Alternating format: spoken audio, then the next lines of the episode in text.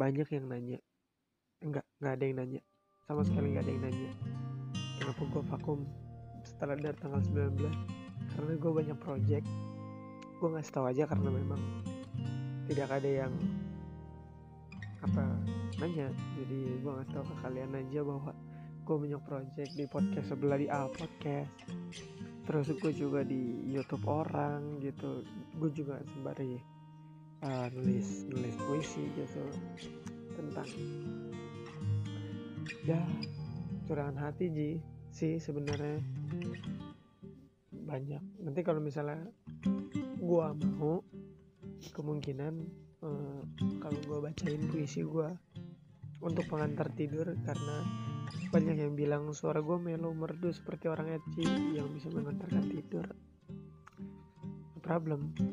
Kalau itu memang ya bersyukur gue jadi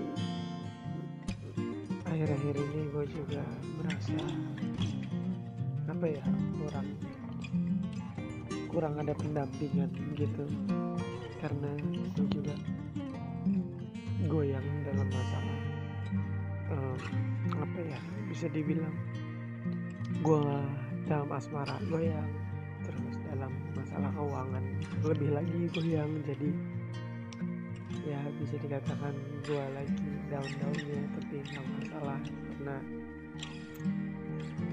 gue down gue down bukan berarti gue nggak bisa berkarya dan gue berkarya ini karena di masa-masa gue down jadi gue mencurahkan isi hati gue aja gitu oke okay.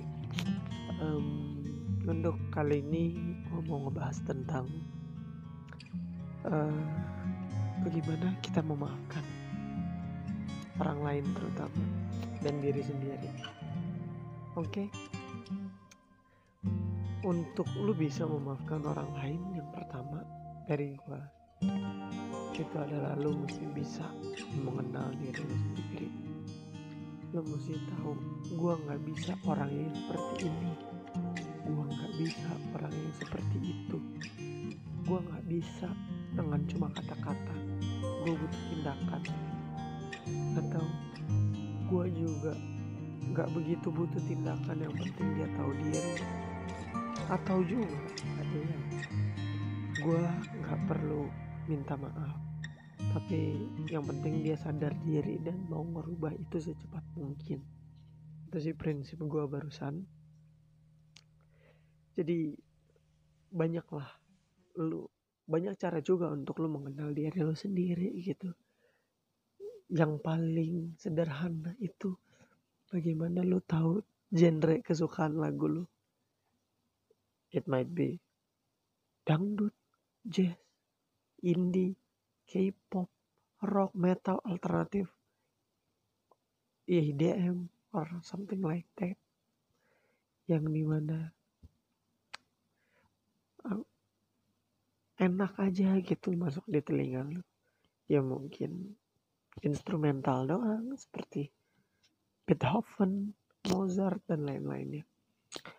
Uh, itu yang paling simpel sih. Mengenal lagu paling contoh yang paling simpel. Dan mengenal diri ini bukan waktu yang sebentar untuk oh gue orangnya seperti ini lu mesti banyak rintangan kejadian yang mesti lu hadapi dalam hidup lu. Dan terutama kejadian hebat dalam hidup lu. Lu akan bisa mengenal diri lu pada saat lu tahu apa yang harus lu lakukan dan lu tahu solusinya bagi diri lu sendiri. Itu kuncinya. Dan yang kedua lu bisa menerima diri lu itu tahap setelah lu mengenal diri lu. Lu bisa menerima diri lu seperti apa. Lu bisa menerima diri lu yang galau. Lu bisa menerima diri lu yang mungkin posesif. Lu bisa menerima diri lu yang orang yang cemas. Gampang banget cemas gampang banget curiga. Lu bisa menerima diri lu orang yang sulit diterima oleh lingkungan sosial lu atau di mana pun dan apa pun itu kondisinya. Lu mesti bisa menerima itu karena lu hidup gak sendiri dan lu gak bisa juga terlalu menforsir diri lu untuk menjadi orang lain. Karena banyak orang bisa mau untuk dikenal di lingkungan sosial keluarga harus seperti orang lain. Karena orang lain orang yang gua maksud itu bisa di apa namanya bisa diterima di lingkungan. Pada saat gue seperti ini di original of me gue nggak bisa diterima. Mungkin gue harus seperti dia untuk bisa diterima itu kendalanya. Karena lu mengenali diri lu ya lu nggak apa-apa bercermin dengan orang lain tapi jangan juga tok lu jadi orang itu karena of course orang itu juga nggak begitu diterima juga mungkin di lingkungannya atau di keluarganya. Jadi jadilah apa yang apa yang diri lu di original of you lah. Karena uh, orang lain belum tentu bisa diterima belum tentu se apa seperfect yang lu pandang seperfect yang lu kira seperfect yang lu imagine. Itu. Dan yang ketiga adalah lu juga tahu bagaimana harus menyelesaikan masalah dengan cara apa dan lu juga mempertimbangkan pandangan lu. Yang mungkin lu seorang yang idealis atau lu seorang yang realistis atau lu seorang yang sekuler atau apa. Lu bisa menyelesaikan sebuah masalah dengan cara lu sendiri. Itu bagaimana cara lu apa ya hmm, bisa dikatakan menyayangi diri lu sendiri gitu. Karena jarang ada orang yang menyayangi dirinya sendiri. Dia mencintai orang dia mencintai sekitarnya. Belum tentu dia menyayangi dirinya sendiri. Dia selalu banyak orang yang seperti dia selalu yang kamu jangan banyak minum kamu jangan banyak merokok tapi kemungkinan dia juga peminum yang berat. Dia juga seorang yang perokok atau dia mungkin pemabuk lebih parahnya ya itu kan kembali ke pribadi masing-masing tapi banyak orang yang seperti itu Dan di dan tahap yang terakhir adalah memaafkan diri sendiri. Ini dari segi diri sendiri dulu ya. memaafkan diri sendiri tuh seperti lu yang memiliki kesalahan kayak wah gue udah salah. Gue udah keluar jalur. Lu harus bisa memaafkan diri lu sendiri bahwa gue tidak ingin mengulangi hal itu lagi. Gue berjanji gue bernazar. Bukan nazar seperti mati lampu ya. Gue bernazar bahwa gue akan menjadi orang yang berbeda yang tidak melakukan kesalahan yang sama yang tidak jatuh di lubang yang sama. Gue mesti berubah menjadi lebih baik. Gue harus memberikan impact yang baik terhadap orang lain dan terutama terhadap diri sendiri. Yang mana lu harus bertanggung jawab juga terhadap diri lu sendiri atas pilihan, atas jawaban, atas pertanyaan, atas apa pun yang keluar dari mulut lu yang lu pikirkan dan yang lu genggam selama ini. Dan itu untuk diri sendiri karena banyak kalau misalnya ada tes psikologi yang mengatakan bahwa seperti ini. Sebutkan tiga orang yang kamu paling sayangi. Mungkin kalian akan menjawab pacarmu, orang tuamu, atau orang yang merawatmu, gurumu, atau siapa pun itu yang berpengaruh dalam hidupmu. Tapi nama itu tidak ada, nama dirimu sendiri. Belajar dari situ, mencintai diri sendiri. Karena awal dari segala memaafkan awal dari segala perubahan itu adalah dari dalam diri sendiri. Karena orang lain sifatnya hanya membantu dan pada saat nanti kalian berubah itu effort kalian sendiri. Orang lain hanya jadi pendorong eksternal yang di mana motifnya tidak begitu mempengaruhi. Karena kalau misalnya memang hati kalian bebal hati lu bebal tapi orang lain ngomong udah lu harus seperti ini lu berhenti ngerokok tapi ya karena hati lu bebal akhirnya lu tidak bisa berhenti merokok ya tetap aja lu merokok. Orang lain akan dihiraukan. Ya itu peran orang lain emang sangat kecil. Kembali lagi ke diri kalian masing-masing. Dan langkah selanjutnya setelah kalian bisa menerima memaafkan uh, mengetahui dan memahami diri sendiri kalian harus masuk namanya memahami orang lain. Karena segi ini sangat luas, konteksnya sangat luas karena bisa dibilang ini subjektif karena karena juga ih gue kebanyakan kata karena ya dari masing-masing orang kan pemikirannya berbeda-beda juga. Jadi lu mesti uh, menyeimbangkan dengan mereka gitu loh. Jangan menyamakan circle satu dan circle satunya lagi. Kalau misalnya lu mau mempunyai teman banyak yang circle banyak lu mesti memahami mereka. Lu nggak bisa mencerahkan idealis lu ke semua orang gitu. Karena belum tentu orang bisa nerima. Kadang hanya dari sebuah pendapat, pertanyaan kita bisa membuat statement orang terhadap kita menjadi benci. Kadang dibawa benci sampai ke personalnya. Maksudnya itu kan cuma sebuah apa ya, sebuah pokok pikiran. Kenapa harus membawa semuanya ke personalia gitu. Ya mungkin karena orang mikirnya itu mencakup besar personal kita setiap dari pertanyaan atau pernyataan yang keluar dari mulut kita. Dan kalian juga lakukan hal yang dari diri kalian tadi, lakukan ke orang lain. Memahami orang lain.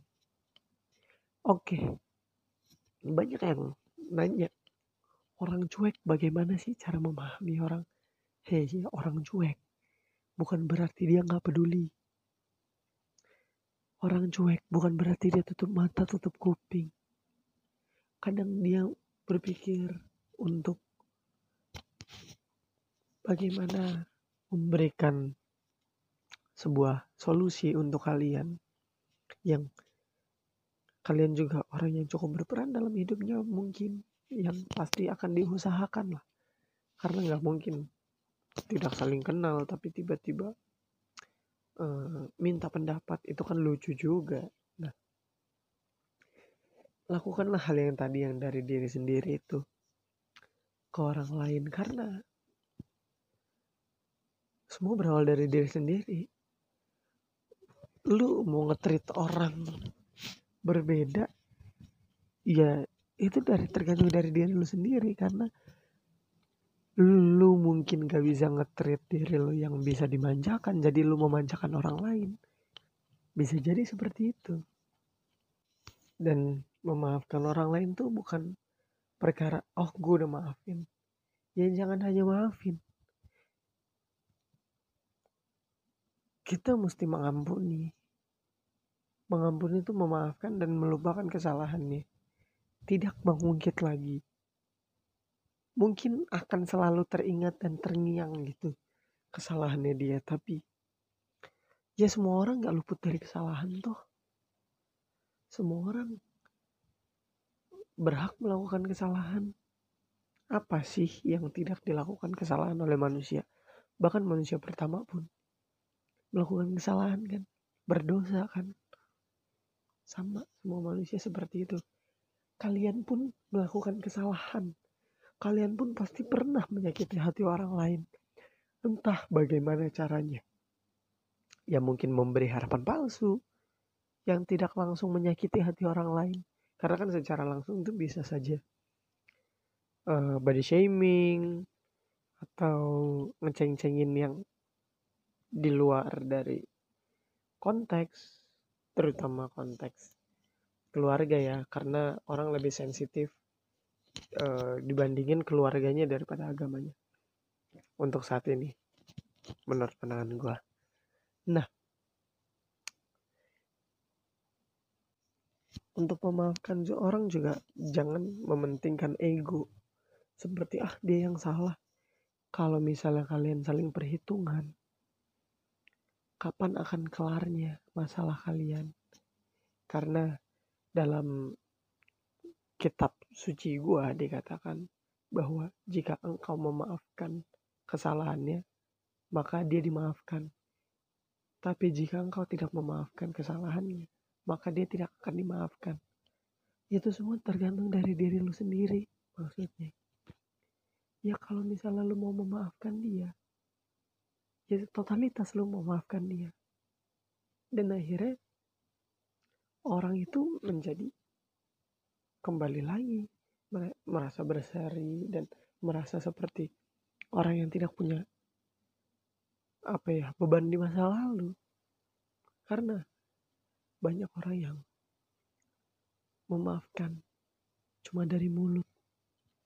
Seriously there's so much people out there yang ya gue udah maafin kok. Tapi masih dijulitin di luar iya gue maafin kok. Tapi masih diomongin di circle. Iya gue maafin kok. Tapi mungkin masih disindir di medsos or aplikasi-aplikasi lain yang ya bisa menjadi wadah curahan hati gitu. Ya maksudnya apa esensi memaafkan kalau kalian seperti itu? Tolonglah bedakan.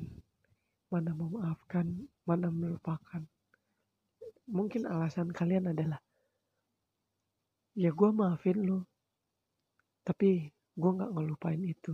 Ya kalau misalnya lo nggak kalau misalnya lo nggak ngelupain ya buat uh, oke okay. ngelupain kan ada dua konteks. Sorry gue lupa untuk nge mecahin ininya seteman ini ada dua konteks yang pertama melupakan masalahnya dan yang kedua melupakan sikapnya yang orang orang akan segala segala munak nih ngomong ya gue nggak bisa ngelupain gue maafin tapi gue nggak bisa ngelupain there's so fucking sucks ya karena kalau misalnya lu ngelupain Iya.